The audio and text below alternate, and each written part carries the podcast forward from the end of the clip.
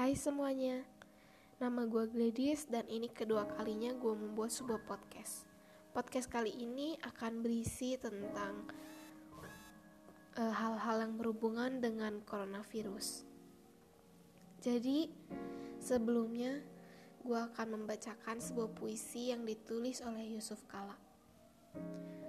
Semua bermula dari Wuhan, menyebar ke mana-mana tanpa pemberitahuan melampaui batas negara dan jabatan, memapar segala bangsa tanpa ampun. Di Korea, menyebar dari tempat peribadatan, melanda Kom, tempat suci Syiah di Iran. Di Italia, merebak di kota mode Milan.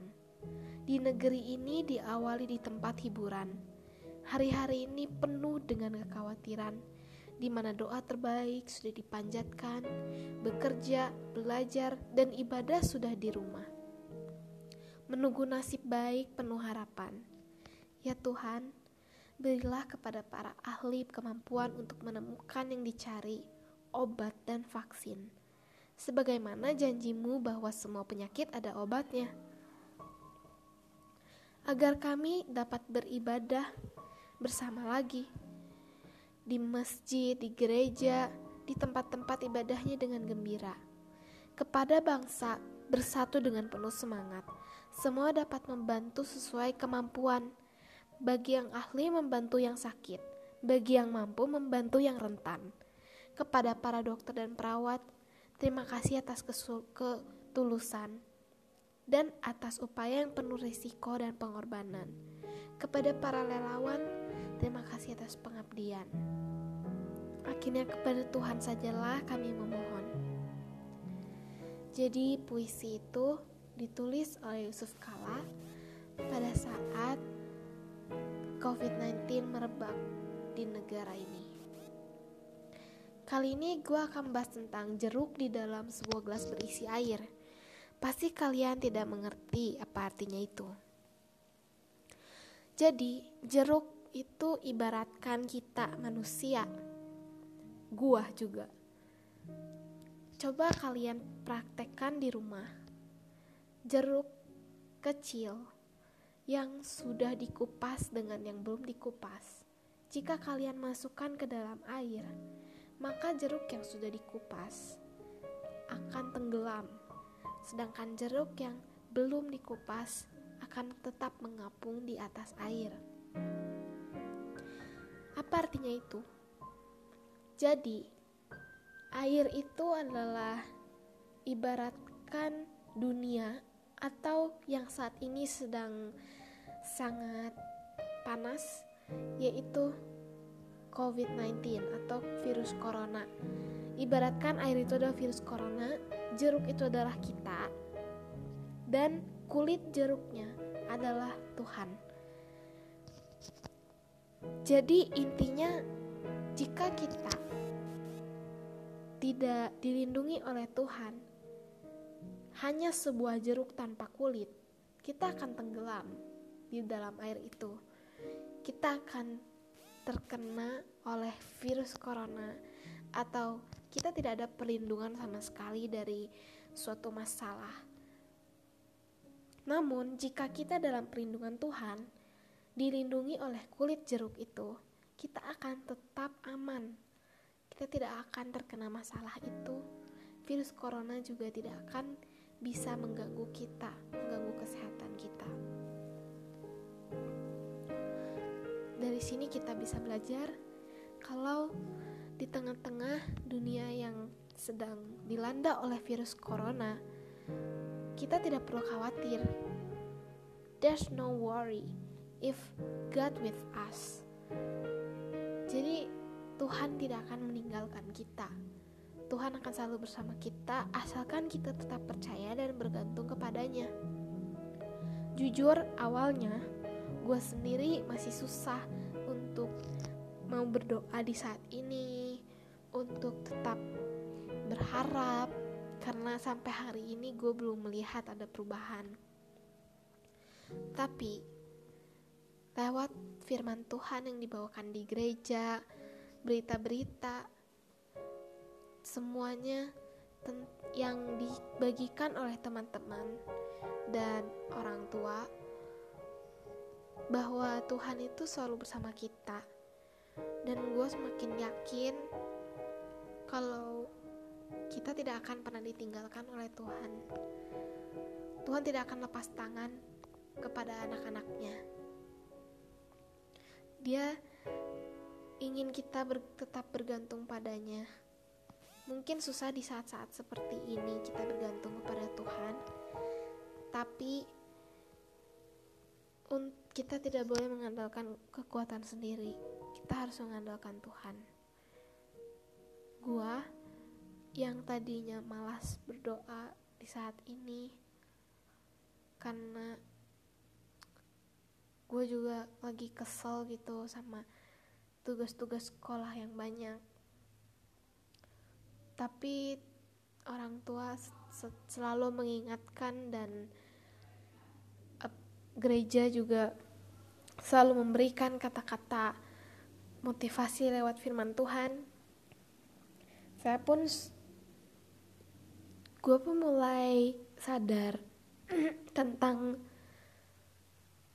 adanya coronavirus ini tidak memberi alasan untuk kita untuk berhenti berharap kepada Tuhan.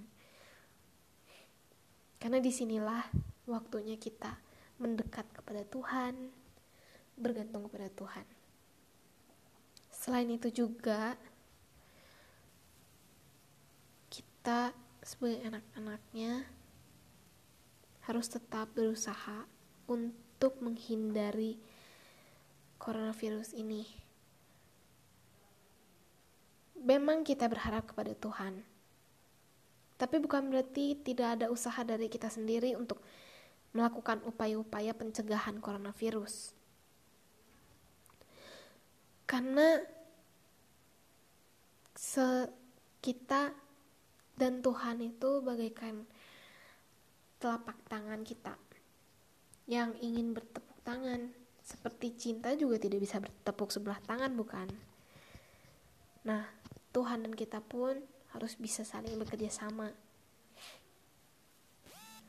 agar kita bisa melawan coronavirus ini bersama-sama.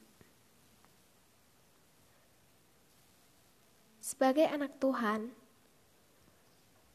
tidak tidak boleh kita khawatir dengan adanya coronavirus ini. Perlindungan Tuhan akan selalu ada untuk kita. Asalkan kita tetap mengikuti prosedur-prosedur dari pemerintahan. Karena Prosedur-prosedur dari pemerintahan itu adalah upaya untuk mencegah coronavirus semakin menyebar. Dan itu salah satu upaya juga kita bekerja sama dengan Tuhan. Tuhan melindungi dan kita harus melakukan upaya pencegahannya juga. Dengan kita stay home, social distancing, dan janganlah kita panic buying. Gue kadang bingung sama orang-orang yang panic buying. Mereka seharusnya tidak seperti itu.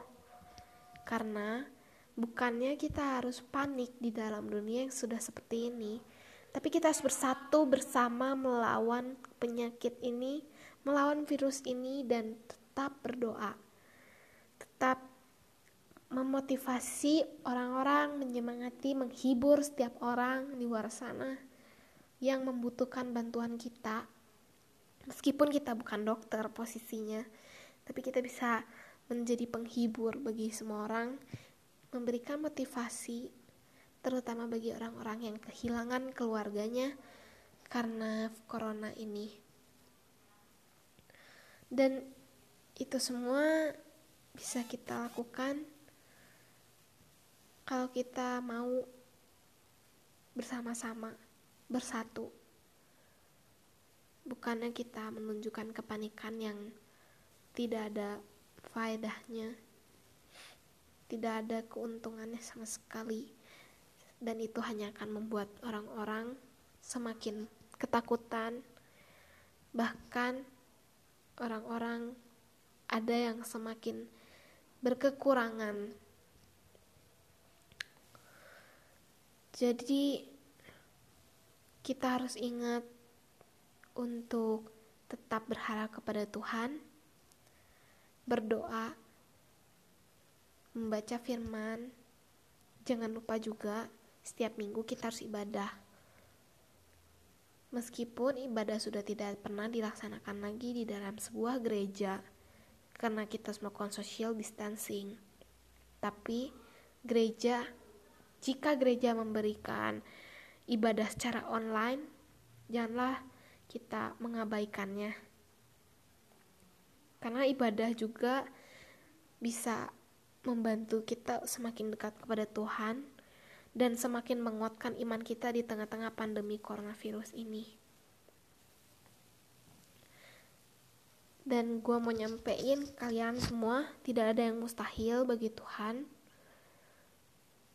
Karena semua rencana Tuhan selalu baik buat kita. Tidak ada rencana dia yang buruk di kehidupan kita. Kelihatannya buruk.